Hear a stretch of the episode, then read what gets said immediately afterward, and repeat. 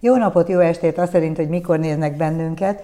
Már megint lesz egy karácsony, karácsony előtti kulturális termék megjelenítés, mert Pogácsa Zoltánt a nagy sikere való tekintettel negyed év után megkértem, hogy jöjjön el újra, abból az alkalomból, hogy megjelent egy új könyve, Válság és Infláció címmel, ez itt, és azt mondanám, hogy teljesen egy lépéssel, majdnem egy lépéssel a divat előtt jelentette meg a könyvét, de közben persze már benne a divatban, nem, nem, nem előtte. Szóval, hogy a, a, az idők szavának engedelmeskedtél, a divatnak engedelmeskedtél, vagy annyira tudtad, hogy mi fog történni, hogy ezért így telibe írtad a korszellemet? Hát igazából az van, hogy van egy nagy vita közgazdászok között is, meg azért azt gondolom, hogy a szélesebb közvélemény előtt is, Egyrészt arról, hogy mitől van válság, tehát mondjuk a Covid alatt azért az elég világos volt, hogy attól van válság, Igen. hogy van egy, egy járvány, de, de ugye általában a 2008-as nagy válság után, most van, most csúszunk bele a recesszióba, az mitől van, és hát ugye közben az infláció ugyanez. Mitől van infláció, mi okozza, vannak különböző iskolák, van egy nagy vita arról, hogy lehet megállítani az inflációt, nyilván ez mindenkit érdekel, és ezekhez a vitákhoz akartam hozzászólni, illetve hát először is hogy mondjam, feltérképezni a vitát, tehát hogy mik azok a különböző mondások, hogy, hogy mitől lehetséges az infláció, és akkor erre nyilván milyen válaszokat lehet adni, hogyan lehet megállítani az inflációt. Az nem csak Magyarországon intenzív ez a vita, hanem, hanem világszerte. A szankció, mint válasz benne van? A szankció pont nem, mert a szankció az komolyan vehetetlen, mint, mint valódi ok az inflációra. Nem, inkább olyanok vannak, hogy az egyik iskola azt mondja például, hogy a jegybankok pénznyomtatása okozza, a másik iskola azt mondja, hogy ez inkább egy kínálati oldali infláció, tehát ugye az orosz invázió miatt megemelkedtek az energiaárak, aztán ilyenek vannak, hogy ugye a csipek, tehát hogy az elektronikus csipeknek a, a termelése az egy cégre koncentrálódik Tajvanba, és ezért brutálisan megemelkedett a, e, az elektronikus csipek ára, vagy mondjuk a szállítmányozási árak, tehát ugye Kínában termelnek rengeteg mindent, amit fogyasztunk, négyszeresére, ötszörösére fölment a szállítmányozási ára.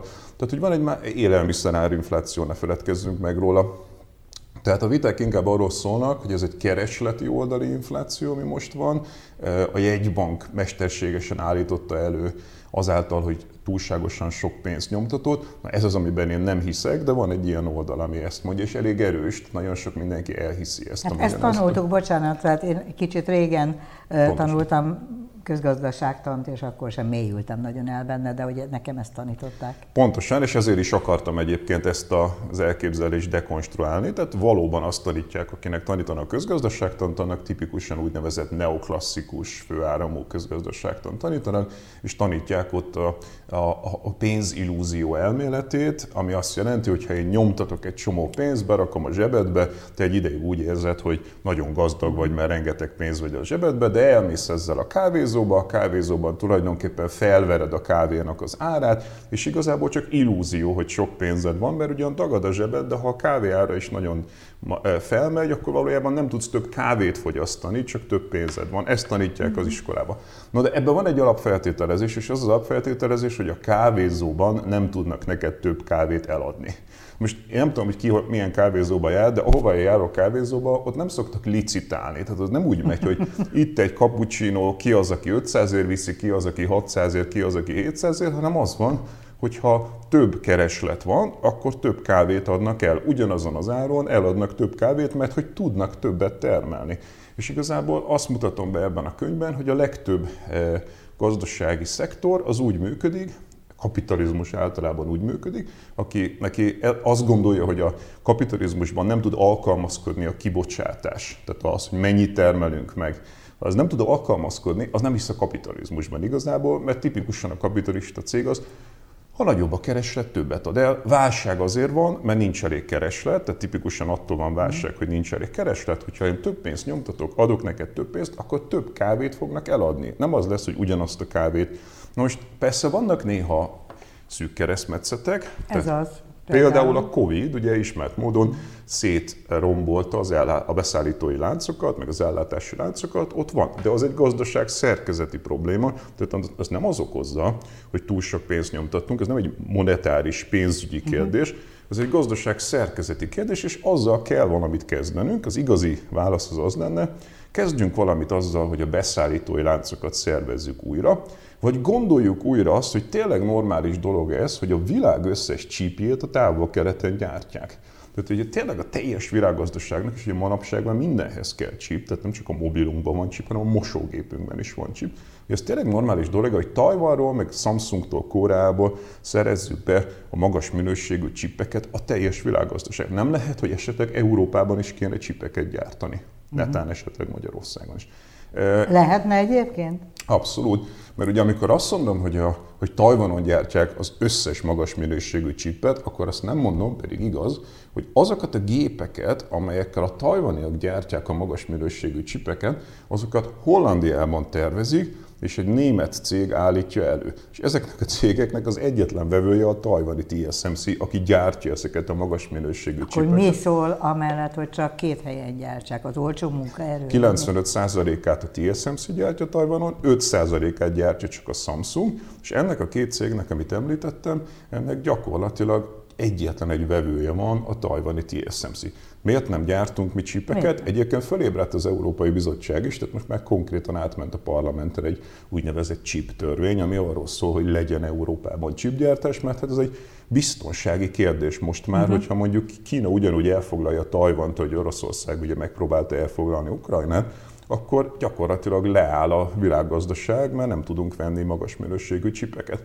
Tehát az amerikaiak is ezen dolgoznak, hogy náluk is legyen chipgyártás, meg az európaiak is, mert valahogy ez így elment, és ez csak egy példa, mert rengeteg másik Jó, is mehetünk tovább, csak egy pillanatra azért állítalak meg, mert szeretném tudni, hogy van-e arra bármilyen magyarázat, hogy ez miért alakult így. Tehát, hogy olyan bávatag jó, jó hiszeműséggel, vagy olyan magabiztosan a 21. század kényelmében el nem tudom én, napozgatva töltötték az időt az országok, hogy nem feltételeztek olyan helyzetet, amikor nem lesz elég, hogy két helyen gyártják a világban a csipet? Az történt, hogy ilyen döbbenetesen gyorsan változik a technológia. Tehát még 2000 környékén körülbelül 20 ilyen high-end top chipgyártó volt, ez 2010-re leszűkült 16-ra, utána 5-re, utána 3-ra, és most már csak egyetlen egy tudja ezt az úgynevezett, most mondok egy ilyen technikai kifejezést, ultra ibolya litográfiának hívják uh. azt, amikor olyan csipeket gyártanak, ami egyetlen egy vörös vérsejtnél vékonyabb maga a szilikon, amire rányomják ezt a dolgot. Tehát egyszerűen az történt, hogy amikor arról beszélünk, hogy Magyarország például elmarad, mert nálunk alacsony hozzáadott érték van, és mondjuk a fejlett országok magasabb hozzáadott értéken vannak, ez a magas hozzáadott érték, ez olyan brutálisan és gyorsan nő, hogy Magyarország lemaradása egyre nagyobb és nagyobb, mert hogy azok a csúcsgyártók, azok, azok gyakorlatilag már olyan messze vannak, hogy lehagyják a saját versenytársaikat. Ez tudás kérdése, vagy pedig alapanyag kérdés? Ez mert... tudás kérdése. Ugye Tajvanon tervek vannak arra, hogyha mondjuk Kína elfoglalná Tajvant, akkor az első dolog, amit csinálnak, hogy kimenekítik azokat a mérnököket, akik ezt tudják csinálni, ez, ez abszolút humántőke kérdése. Evakuációs program? Kínaiak nem tudnak vele semmit csinálni, mert ugye nem kapják meg azokat a gépeket, amiről beszéltem Aha. a hollandoktól, meg a németektől. A mérnökök ki vannak menekítve, és a kínaiak nem fogják tudni használni ezeket a, e, ezeket a gépeket. Nem lehet csak úgy elfoglalni a TSMC-t. Ez mutatja, hogy valójában a mai világgazdaság az arról szól, hogy a, a humántőke, a tudás hol van. Ez, amit nem értünk Magyarországon. De mindez csak egy példa, tehát egyetlen egy iparág, ahol szűk keresztmetszetek vannak, és lemaradásban van még Európa is, de hogy ugyanez van mondjuk energiapolitika. Tehát, hogyha mondjuk az lenne a valódi válasza Európának, hogy oké, okay, fölmegy az energia ára, ez inflációt okoz, akkor Európa nem azt csinálja, hogy az orosz gázról átállunk az amerikai palagázra, vagy a katari gázra, hanem azt mondja, hogy dekarbonizáció. Tehát akkor nagyon brutálisan gyorsan átállunk egy, egy poszt, posztszén eh, korszakra, ahol mondjuk épületszigetelések, hőszivattyúk, szolár, és Európa példát mutat a világnak, hogy nagyon radikálisan és gyorsan át tudunk állni, és ez lenne az igazi megoldás. Tehát gazdaság szerkezeti kérdések okozzák az inflációt, ehelyett mit csinálunk? Ehelyett azt, azt csináljuk, hogy fölvisszük a kamatlábakat az égekbe. Már kijött a könyvem, amikor utána később kijött Joseph Stiglitznek, a Nobel-díjas közgazdásznak egy tanulmánya, amiben ugyanezt mondja egyébként, hogyha fölvisszük az egekbe a kamatlábat, azzal mesterségesen létrehozunk egy infláció, egy, egy recessziót. Nincs szükség rá, ugye fölvisszük a kamatlábakat, hogy ezzel lenyomjuk az inflációt, ugye mi ennek a mechanizmusa, ha magas a kamatláb, akkor kevésbé tudnak felvenni hitelt beruházásra a cégek, Magyarul egyre több ember, tehát cégek nehezebben fognak működni, emberek elvesztik az állásukat, vagy legalábbis visszafogják a béreiket. Tehát előidézünk mesterségen egy, mesterségesen egy recessziót, hogy a kínálati oldalon a szűk keresztmetszetekhez hozzáigazítsuk a keresletet. Ez egy mesterséges recesszió, de erre nincsen szükség, mert ha azt csinálnánk, hogy szépen megoldanánk a kínálati oldali problémákat, akkor Mondjuk egy példát, mondjuk, amit az előbb mondtam, dekarbonizáció. Tehát rengeteg embernek munkát adna mondjuk Magyarországon is, hogyha végig szigetelnénk az épületeket. Csak annyit szeretnénk mondani, hogy a, a napkollektoroknak a hirtelen divatja és az arra adott kedvezmény az úgy tűnt, hogy például egy Abszolút. eredményes lépés Igen. lenne, majd utána 5 perccel a az ilyen mindent elsöprő érdeklődés megszületése után a kormány közölt, hogy de nem lehet visszacsatornázni a fölösleget majd, majd aztán azt mondták, hogy mégis egy kicsit lehet, egy kicsit nem lehet, tehát hogy nem segíti az állam a magatartását annak, aki megpróbálja ezt a egyébként valószínűleg a környezet szempontjából elhanyagolhatatlan megoldást, hanem elbizonytalanítja. Abszolút ez van Magyarországon, tehát például a szélturbináknak a telepítése az le van jogilag korlátozva Magyarországon. Hát azt mondják a zöldek, hogy azért, mert ugye a kormány az nukleárisban képzeli el a zöld átállást, hmm. tehát ugye nálunk Paks 2-ről, meg most már Paks 3-ról beszélnek, és hogyha mesterségesen megdrágítjuk a a fenntartható energiaforrásoknak az árát, akkor be lehet mutatni, hogy a paksi áram versenyképes lesz. Ugye nem lesz versenyképes, mert hogyha most felépítjük paksot, akkor ugye 10 év múlva kezd el működni, az 30 évig legalább még működik, és az biztos, hogy ez alatt az idő alatt a világpiacon lesz olcsóbb fenntartható áram. Tehát azt, azt nehéz lesz megindokolni, hogy mi miért veszünk drágább paksi áramot, amikor olcsóbb fenntartható áram lesz. Tehát már most azt kéne csinálni, iszonyatosan rossz a, a magyar épületállománynak a szigeteltsége, akár privát, akár ipari, akár közületi. Hőszivattyúkban nagyon nagy potenciál lenne Magyarországon, tehát ezt a típusú zöld átmenetet, szélturbinák és a többi kellene az államnak megtámogatnia. Biztos, hogy nem lenne recesszió Magyarországon, föl tudnánk rengeteg embernek, pont azoknak, akiknek közmunkát adunk, ki tudja, mit csinálnak, tudnánk adni munkát például épületszigetelésekben. Ezt a magánszektor csinálná, tehát nem kommunizmust árulok itt, hanem a magánszektor ezt bőségesen tudná csinálni, és semmi szükség nem lenne recesszióra és közben hasznos dolgot csinálnánk, és ez megtérülne és fenntarthatóvá tenne a gazdaságot. És nem kellene a kamatlábat növelni. És nem kellene a kamatlábat növelni, el. pontosan. És ez nem csak Magyarországon van így, hanem mindenhol így van. Amúgy meg a kamatláb növelésének nincs is nagyon hatása, tehát mondjuk a magyar esetben ugye a jegybank azt mondta, emlékszünk rá, hogy addig növeljük a kamatlábat, ameddig az inflációt és az euróforint gyengülését meg nem tudjuk fordítani. Növelték, növelték, egyre radikálisabban, egyre gyorsabban, egyre nagyobb ütemben, és egy ideig mondjuk három-négy nap alatt tűnt el a hatása, aztán az utolsó lépéseknél már napon belül eltűnt az euróforint árfolyamra a hatása, folyamatosan tovább gyengült a kamatemelések ellenére. Az inflációra semmi hatással nem tudtak lenni. Ugye akkor Matolcsi azt mondja, hogy vége a kamatemelési ciklusnak, Ugye miért mond ilyet? Egyrészt azért mond ilyet, mert az ő teljes reputációja arra épült, hogy ő levitte már egyszer a kamatokat, tehát neki személyesen nyilván fáj, hogy, hogy megint meg kell emelni, de hát ugye abban is igaza van, hogy a, kiadá, a másik oldalon, a hitelezési oldalon, meg ugye ez megdrágítja a cégeknek a, a, a hitelezést. Sokkal nehezebb a hitelhez jutni, és aztán ugye mit csináltak? Azt mondták, hogy megállítjuk a kamatemelési ciklus, majd még emeltek rajta egyet, és ma 18% a kamat Magyarországon de facto, ami hát nyilvánvalóan fenntarthatatlan. E, Erősödött a forint? Nem erősödött. Azzal együtt is csak tartani tudta a, a, az euró Igen, de azért elég egyenletesen van már napok óta. De mitől? Attól, hogy közben lejött a gázár. Tehát ugye az egészet Magyarországon a gáz, a gáz árának a drágassága hajtja. Tehát Magyarországnak az az alap problémája, hogy írtozatosan kitett energetikailag. Tehát megint csak egy gazdaság szerkezeti probléma van.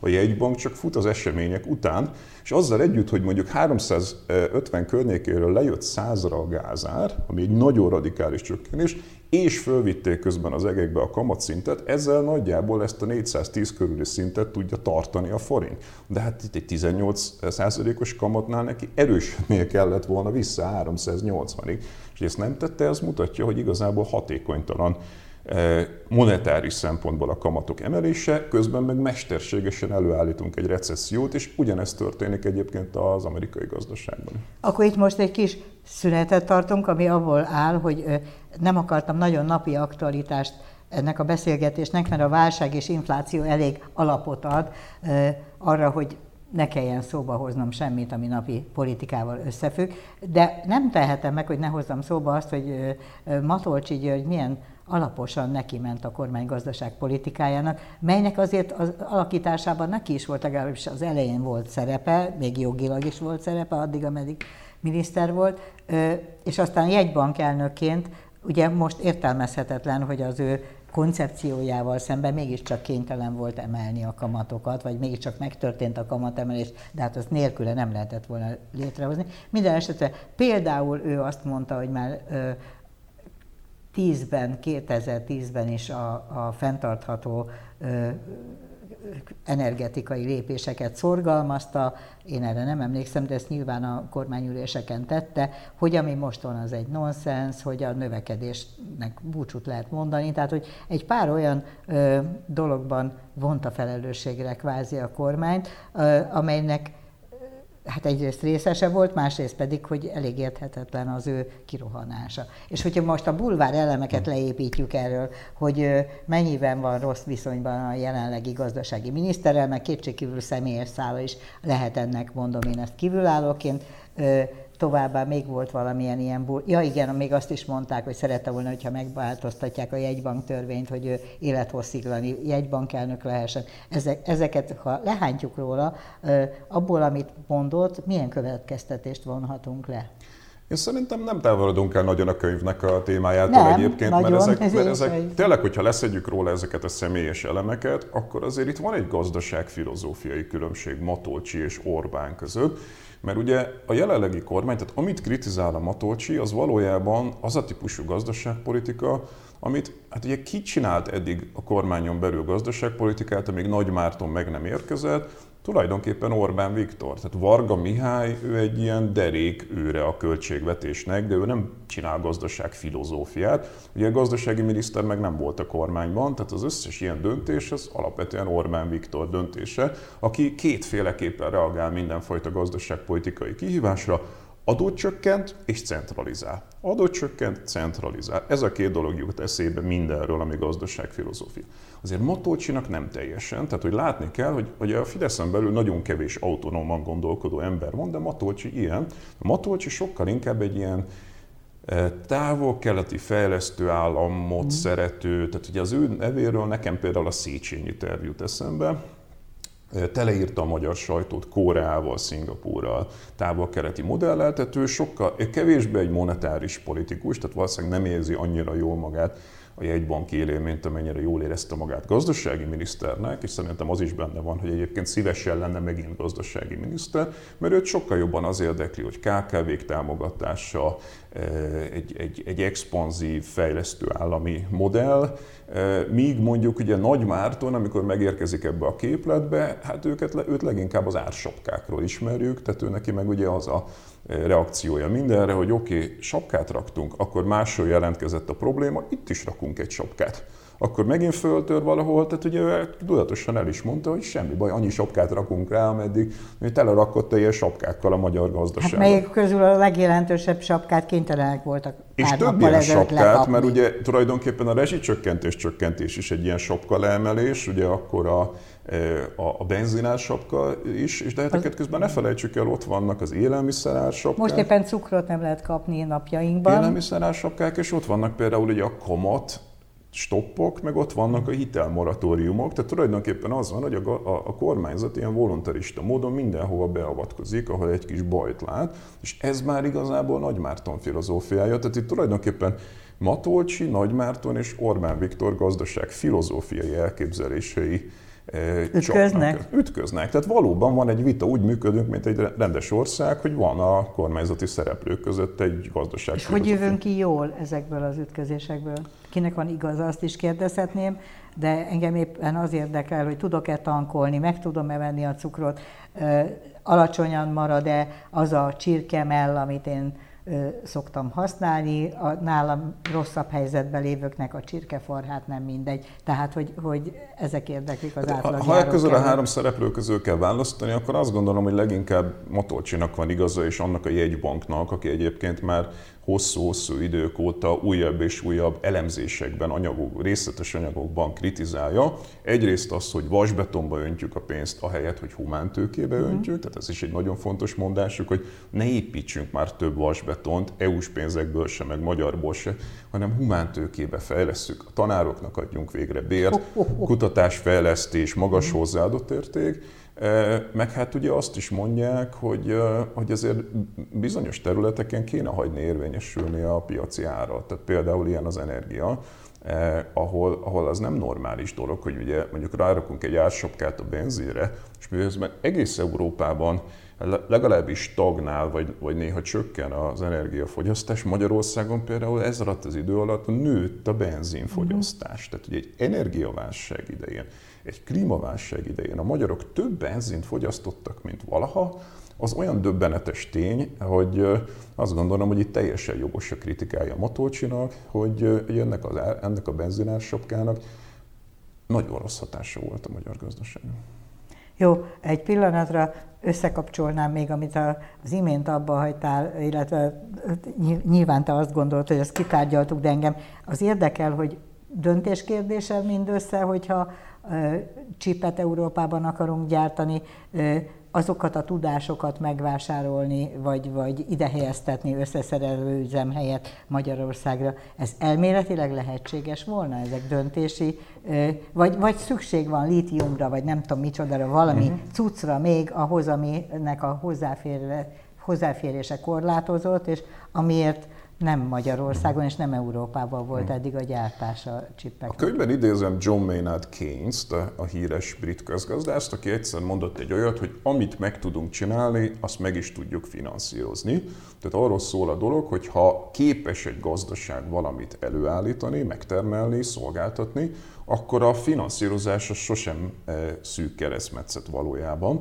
Miért? Mert ugye a jegybank saját valutájában képes bármikor finanszírozni. Tehát Magyarország forintban nem tud csődbe menni, a Magyar Jegybank bármikor képes a kormányzat kiadásait megfinanszírozni kamatmentesen, hiszen előállítja a forintot, és nem, nem lesz belőle infláció, mert ahogy az előbb megbeszéltük, hogyha a kibocsátás nőni tud, tehát ha meg tudjuk termelni, akkor hiába van több pénz, akkor lenne infláció, gyorsabban nőne a pénzmennyiség, mint a, a kibocsátás. De ha meg tudjuk termelni, akkor meg is tudjuk finanszírozni, mondja a Keynes. Tehát az első fontos dolog, hogy nem a pénzmennyiség a szűk keresztmetszet, a szűk keresztmetszet az a tudás. Tehát az, hogy képes-e a magyar társ. Most ez előbb mondtam egy dekarbonizációt, azt most is meg tudjuk csinálni, tehát azt, hogy mondjuk épületeket szigeteljünk, Ahhoz nem kell különösebb, az nem kell különösebb agyi, agyi azt, hozzáadott érték. Azt ma már a magyar cégek simán meg tudják csinálni, hogy épületeket szigetelnek. Na most az, hogy magas minőségű csipet tudunk csinálni, vagy nem, az persze egy írtózatosan magas tudás, tehát még ugye a kínai népköztársaság sem tudja, sőt... Jó, de nem tízezreket kell erre... De vannak nem olyan magas minőségű Igen. csipek, tehát én ez a 3 nanométeres csip, amiről beszélek, de mondjuk 15 nanométeres csipet már a népköztárs, kínai népköztársaság is tud csinálni, és egyébként Magyarország is simán tudna ilyet előállítani. Tehát a jelenleginél sokkal magasabbat tudnánk már ma csinálni azzal a humántőkével, de hát ugye fejleszteni kéne a humántőkét, tehát ezért ezért írtózatosan fontos, hogy a tanároknak legyen rendes bére, hogy fektessünk a kutatásfejlesztésbe, az egyetemekbe, a kutatóhálózatba, de őszintén szóval az óvodától kezdve az oktatási rendszerbe, hogy minél több ember, minél nagyobb tudással, minél magasabb hozzáadott értékű gazdaságot csináljon. És akkor igazad van, még egy dolog bejön, tehát hogyha teszem, teszem azt valamilyen csoda folytán a magyar kormányzat be, évtizedek óta csinálta volna a, a humántőke fejlesztést, akkor még egy dolog van természetesen, és ez a, e, az ilyen ritka földfémek kérdése, meg a nyersanyagok kérdése. Itt majd a következő könyvemben fogok erről. A következő kérdés, a következő könyvem az a fenntartható gazdaságról fog szólni, és igen, tehát hogy ezt nyilván nem lehet végtelenségig növelni, tehát hogy a gazdasági növekedés annak előbb-utóbb le kell állnia, eh, mert nincs annyi ritka fémföld, nincs annyi semmi. Tehát, hogyha ha nő a gazdaság, akkor az egyre több anyagfelhasználás. Uh-huh. Csak egyetlen egy adatot hagyd dobjak be ezen a ponton, hogyha csak 3%-kal nőne az a világgazdaság, amiről már ma tudjuk, hogy fenntarthatatlan, tehát ugye a Párizsi Klímaegyezményben megegyeztek a világ országai, hogy eh, ezt, a, ezt az üvegházhatás kibocsátást nem tudjuk tovább csinálni, hanem csökkennie kéne. Ha innentől az évszázad végéig csak 3%-kal nőne a gazdaság, akkor 11-szeresére nőne a világgazdaság.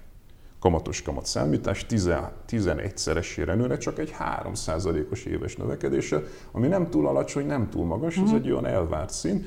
Most azt senki nem gondolhatja, hogy, hogy, hogy a, a, a mi gyerekeink, unokáink életében 10 egyszeresére nőhet az a világgazdaság, amelyik már most is túl nagy. Magyarul a következő dolog, ami mellett érvelni fogok a következő könyvben, hogy le kell állni a gazdasági növekedésnek. Tehát azt a... Ezt Magyarország tudja hozni. Az a baj, Most másfél százalékot az a baj, hogy nem. nem. Az a baj, hogy nem. Tehát, hogy az Orbán kormányzat második pillére, ugye az első pillére az Gyurcsány Ferenc, de a második pillére az Orbán kormányzatnak az az, hogy jelentős gazdasági növekedés produkált. Tehát Magyarországon a Covid előtt komoly gazdasági növekedés volt, és komolyan nőttek a reálbérek is, tehát évről évre 7-8 százalékos én, én csak a mostani helyzetről beszélek, most másfél most, százalékra. Most igen, de például az év elején még simán nőtt, az első két negyed évben még simán nőtt 6-7 százalékkal, 5-6-7 százalékkal a magyar gazdaság. De ebben az a dráma, hogy Magyarországon ezt be se lehet dobni. Tehát azzal, hogy én azt fogom ja. mondani, hogy nem szabad nőni a gazdaságnak, ennek rettentő népszerűtlen leszek, mert mindenki rögtön azt fogja kérdezni, hogy de hát akkor nekem mitől lesz Igen. jobb az életem, meg a szegényekkel mi lesz. Itt nem akar senki négy napos munkahetet, meg se alapjövedelmet adni, se, hogy elvéletileg Azt adnának, egyébként akarnak, de... tehát 80% akar alapjövedelmet adni magának, tehát csak Igen. ne a, ne a cigányoknak hát Egyébként adjunk, négy persze. napot dolgozni is szeretnének. Persze. Abszolút, persze. Persze, nem, radikálisan át kell alakítani a gazdaságot, tehát amikor fölvetel egy ritka földfémek, akkor ha igen, ha elkezdjük végig gondolni, akkor végig kell azt gondolni, hogy egy stacionár gazdaságra kéne beállni, ami már bizony nem növekedik, ez komoly új elosztási kérdéseket vet fel. És akkor itt megint jön a központosítási szerep, mármint az állam központosításának a szerepe, ami nem áll távol a jelenlegi vezetéstől. Igen, csak, csak azzal, hogy ezt voluntarista módon csinálják, tehát nekem az az óriási problémám azzal, amit a jelenlegi kormányzat csinál, hogy ez nem egy átgondolt politika, tehát az államot tehát szerintem a 20. században két dolgot tanultunk meg. Az egyik az, hogy piac nélkül nem megy, tehát a szovjet rendszerben bizonyította, hogy csak tervel piac nélkül nem megy, de azt is megtanultuk, hogy csak piaccal sem megy. Tehát az összes felzárkózás, gondolja távol-keleti modellre, manapság Kínára, de előtte Tajvan, Szingapur. Kicsiket centralizált diktatúrában mi, mi, van. Mi abszolút az államot használták, de hát a skandináv modell is az államot használja, és minden felzárkózás. Izraelnek is egyébként a korai korszaka az teljesen egy államcentrikus modell volt, ez nem egy piaci modell volt. Az összes jelentős felzárkózás az valahol használja a, a, a kettőnek egy egyensúlya, a piacnak és a igen, tervezésnek. Igen, igen. Mondjuk az Egyesült Államokra ez mennyiben példa? Egyensúlya. Arra is egyébként, tehát ugye a, a nagy viták az Egyesült Államok felzárkózása a 19. században, az ugye Hamiltonnak az, a, az esete, és Hamilton az kifejezetten az államot használta, kifejezetten állami támogatások voltak, vámok voltak, ugye a versenyképes brit termékekkel szemben magas vámok voltak, és, és, és mondjuk a monopóliumoknak a megtörése, gondoljuk itt Brandeis-ra, meg a Standard Oil-ra, tehát akármilyen felzárkózást nézünk, az államnak volt szerepe abban.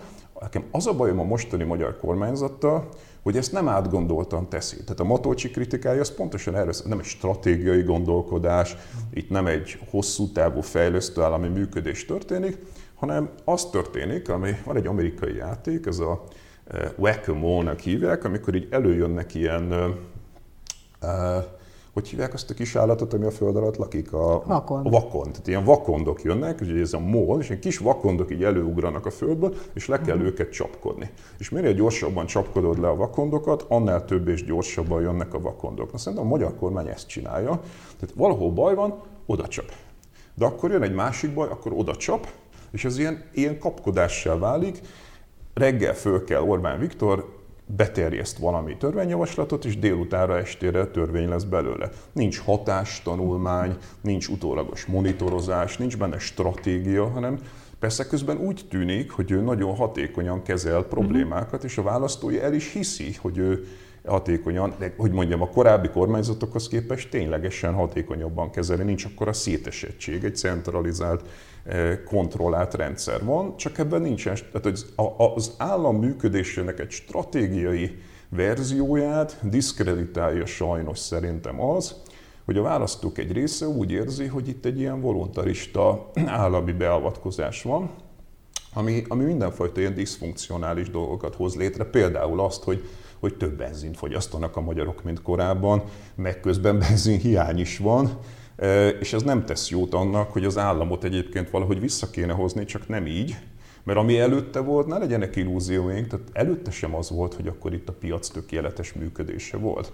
Tehát aki azt gondolja, hogy a 90-es évek Magyarországa, vagy a 2000 éves Magyar, évek Magyarországa az arról szólt, hogy itt valami tökéletes működése volt a piacnak, aki minden, mindenkinek esélyt teremtett, tehát hogy a, a magyarok tömegei kaptak esélyt a piactól, ezzel a narratívával nem ért egyet a magyarok 70-80 százaléka. Ők ezt egy káosznak élték meg, és kifejezetten szeretnék, hogy valaki vágjon már rendet, nem szeretnének visszamenni a kommunizmusba, tehát nem arról van szó, hogy államosítsunk és tervezzünk, csak azt látják szerintem nagyon világosan, hogy a piac és az állam egyensúlya. Van, ahol a az állami beavatkozása hasznos, valahol a piaci mechanizmusa hasznos, meg kell találni mind a kettőnek a szerepét.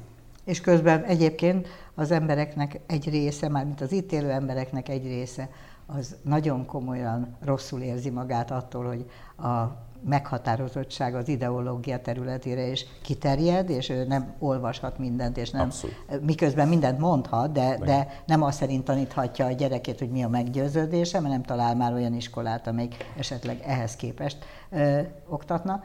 A másik részének ezzel semmi problémája nincs, az a nagyobbik rész sajnos. Ö, viszont azok meg nem szeretnek nagyon sok, sok tehát nagyon rossz egyensúlyt az euró meg a forint között, tehát hogy, hogy azoknak Igen. inkább... És ez a... megint diszkreditálja az államot. Tehát, hogyha az államról az jut eszébe az embereknek, hogy, tehát hogy mondjam, két szint van. Az egyik az, hogy az állam aktívan beavatkozik az életedbe, a másik meg, hogy az állam nem avatkozik be aktívan, csak nem igazán segít. Na most ugye a Kádár rendszer az az volt, hogy az állam nem csak, hogy nem, az állam aktívan beavatkozott az életedbe. A rendszerváltás 89 az arról szólt, hogy azt élték meg az emberek, hogy végre az állam kivonult az életemből. Uh-huh. Legalább a magánéletemben, gazdasági tevékenységemben szabad vagyok, utazhatok, azt olvasok, azt csinálok, Így amit van. akarok.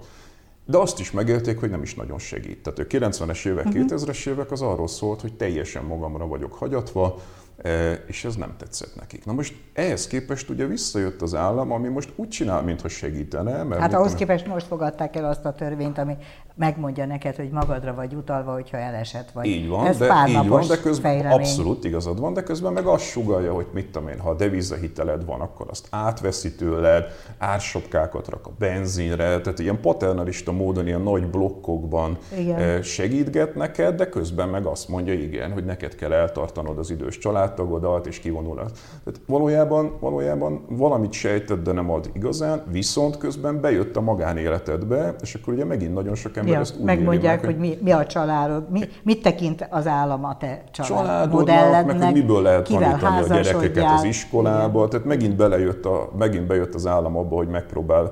És ez, ezzel az a baj, hogy ez megint nagyon sokak szemében egy ilyen immunreakciót vált ki, hogy, hogy hogy, hogy akkor, akkor takarodjon az állam. Az államot úgy, ahogy igen. van, elutasítjuk. Tehát olyan típusú emberek, mint amilyen én vagyok, aki azt mondaná, hogy használjuk az államot, de ne arra, hogy, hogy mondjuk megmondjuk, hogy mit lehet tanítani az iskolába, vagy hogy ki a család, hanem arra használjuk, hogy esélyt teremtsünk az embereknek, tehát mondjuk jó iskola rendszert. Mert hogy a szegény emberek nem fogják. Magyarországon most jöttek ki friss felmérések, 70%-ának az embereknek semmifajta megtakarítása nincsen. Tehát akkor az életben nem fogunk egy magas hozzáadott értékű, tanult társadalmat létrehozni, ha azt mondjuk, hogy csak piaci mechanizmusok vannak, és akkor mindenki... Hát öngondoskodás nem lehet építeni. És nyugdíjrendszer se lesz, tehát nem lesz nyugdíjrendszer öngondoskodásból, mert a 70%-ának mi lesz belőle? Magányugdíjpénztárban 30%, meg Budapest Schoolba hmm. viszi a gyerekét, az a felső 20-30%, aki ezt meg tudja oldani, de az alsó 70% nem. Most én olyan társadalmat nem tudok elképzelni, ahol az alsó 70%-nak nincs nyugdíj, nyugdíja, nem kap rendes iskolarendszer. Tehát illúzióba rángatja magát az a felső középosztály, aki tulajdonképpen Magyarországon az elit, amelyik azt gondolja, hogy majd azzal ő meg fogja finanszírozni öngondoskodásból az iskolától a nyugdíjig minden, és a 70%-kal meg majd történik valami. Tehát ugye egy teljesen új... Csak annyit szeretnék közbevetni, hogy annyira új gondolkodásmódra lenne szükség, amennyire nem született meg az elmúlt 30 évben semmilyen új gondolkodásmód, mert annyira masszívan beleevődött a,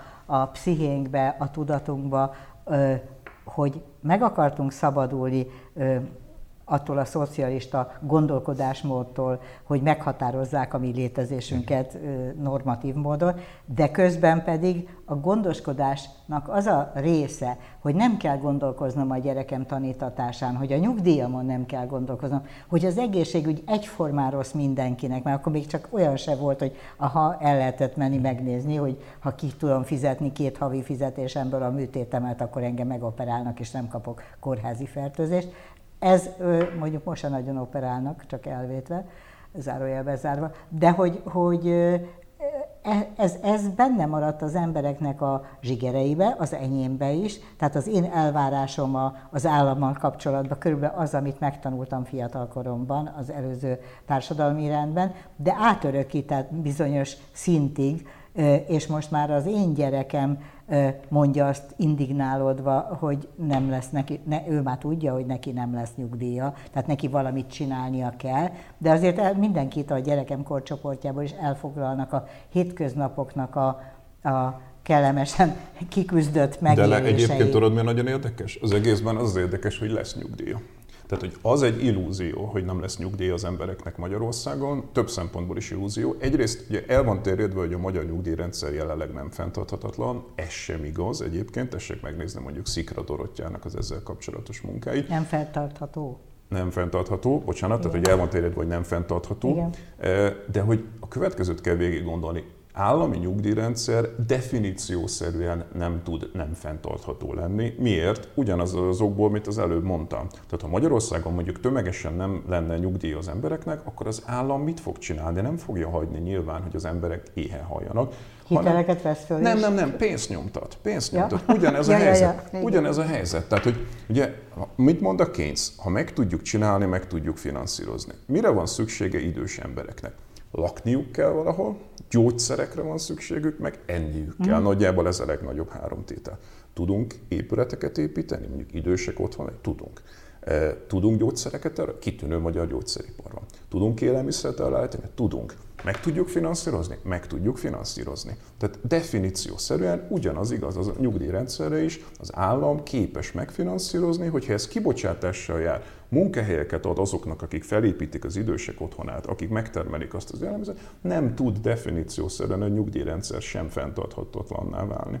Igen, csak közben a, pont az én korosztályom alatt egy tízessel már megszokták az emberek azt, hogy, hogy nem fizetnek maguk után járulékot, illetve a minimálbért hazudják a megélhetési forrásokról, mert hogy pillanatnyilag el akarják meg költeni azt a pénzt, amiből épp csak megvannak. De az azért van, mert nem hisznek az egészbe. Tehát azt gondolják nagyon sokan, hogy ők például meg se fogják érni azt a kort, azt is amikor mondják, igen. Lesz. Az mindenki reménykedik. Mindenki reménykedik, mert egyébként meg azt gondolja, hogy úgyse látok el addig. Tehát én látom a következő egy évet, örülök, ha azokat túlélem, örülök, ha ezt a hónapot túlélem. Miért kellene nekem olyan stratégiaira, ha a kormány se gondolkodik, ha az állam se gondolkodik, itt senki nem gondolkodik 20-30 éves távlatokba, lehet, hogy háború lesz, lehet, hogy totális összeomlás. Miért kéne nekem most megtagadnom magamtól, amíg még élek, amíg még egészséges vagyok, valamit, ami majd 20-30 év múlva teljesen... Vagy elér, vagy nem ér. Vagy elér, igen. vagy nem ér. Ki tudja, mi lesz akkor.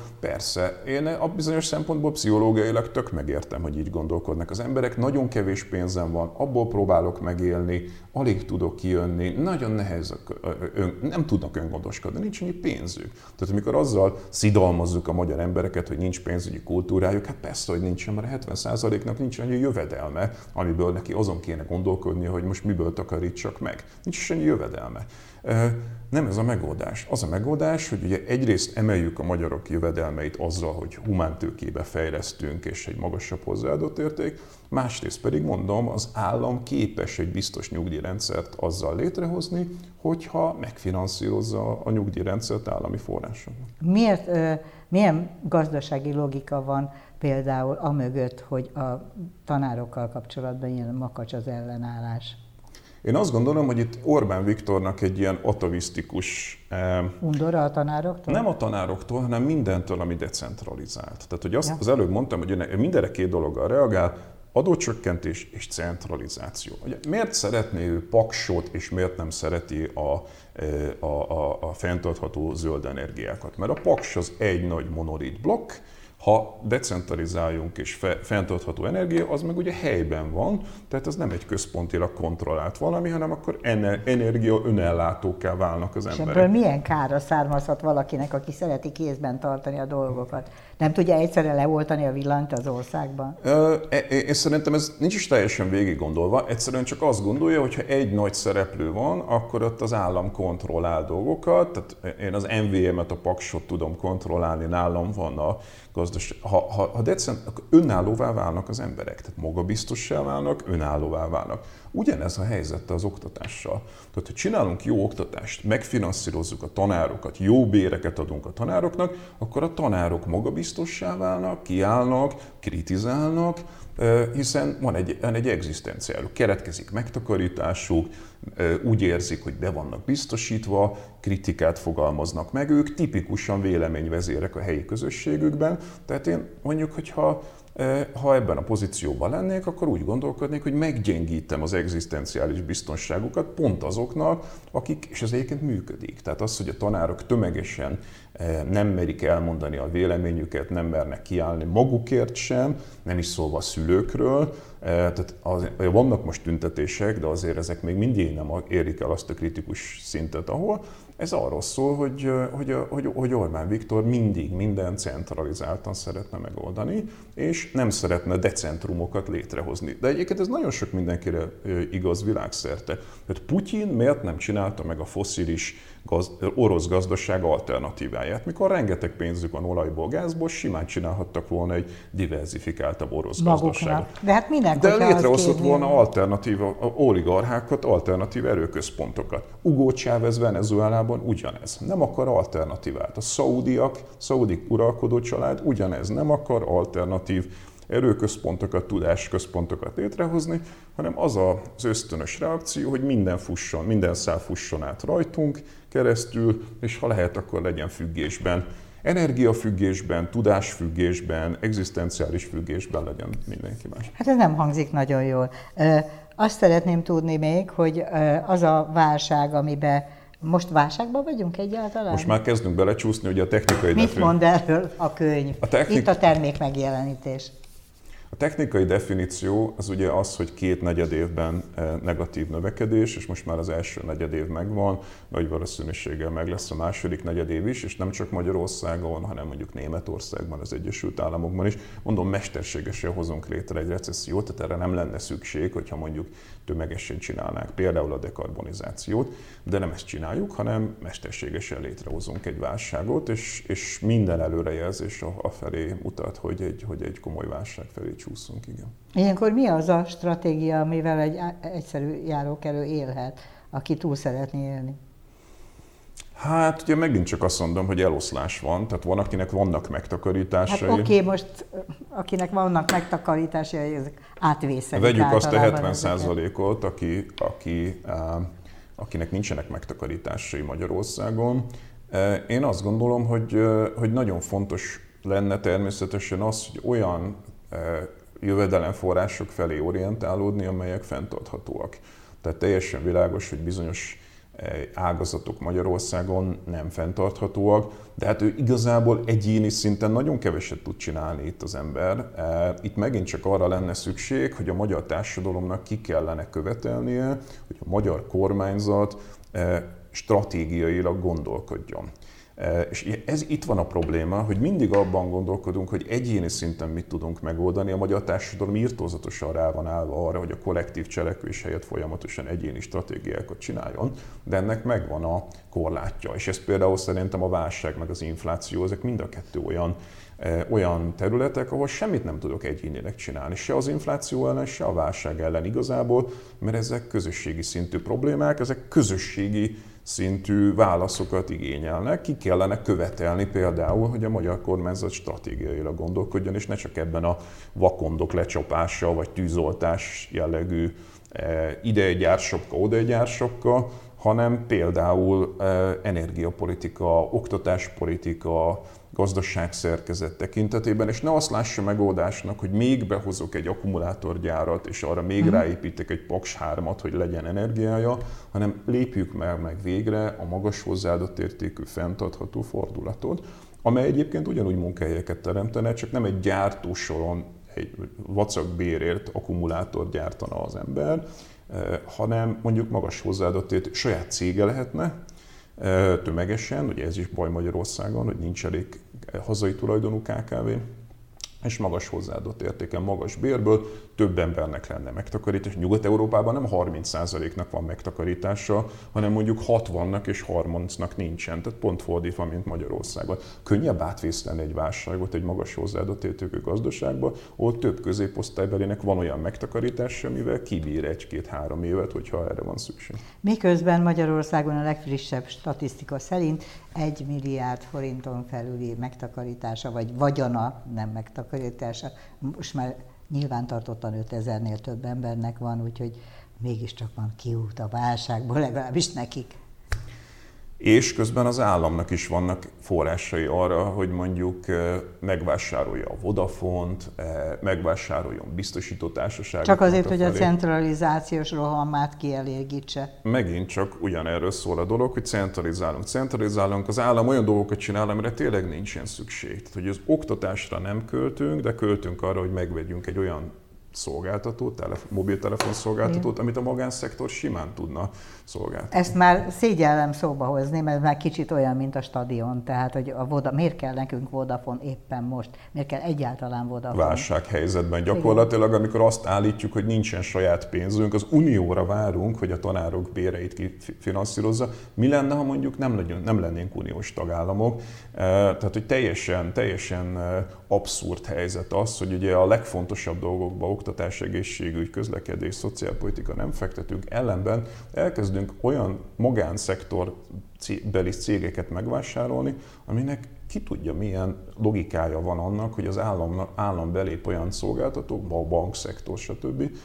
azon túl, hogy mondjuk effektíve valószínűleg egy idő után újra privatizálni fogja, és megint csak ugye ez tulajdonképpen az államnak a felhasználását, ez, ezt láttuk azért a bankszektorban is, hogy ezek ilyen átmeneti nacionalizációk. Tehát megint az van, hogy a liberális értelmiség elkezd azon siránkozni, hogy az állam, az állam, az állam, de hát ez valójában itt nem az államot erősítjük. Hanem, megvannak már azok a nevek, amelyek abszolút, összeállnak abszolút, és megveszik. Tehát itt valójában tehát a új holdingok készülnek majd másfél A fogjulejtett állam kategóriájával találjuk szemben magunkat, de akkor azon pampogjuk már, hogy, hogy valaki fog, tehát én mindig azt a képet szoktam mondani, hogyha mondjuk gépeltérítők fogjulejtenek egy repülőgépet, akkor én nem a repülőgépre fogok haragudni. A repülőgép egy tök hasznos dolog, ha elvisz A-ból B-be egy képzett pilótával. Na de itt minden túl szerelmes a túlszejtőbe ebben az országban. Hát a fele szerelmes, a hát, másik fele meg szídja a repülőgépet. De hát ezért ez mind a kettő abszurd. Hát ezzel a vidám végkifejlettel köszönöm meg Fogása Zoltánnak, hogy itt volt. Ez itt a válság és infláció és a kulturális termék megjelenítés. Vegyék és olvassák, nagyon tanulságos. Heti égbüfé jövő héten is lesz viszontlátásra.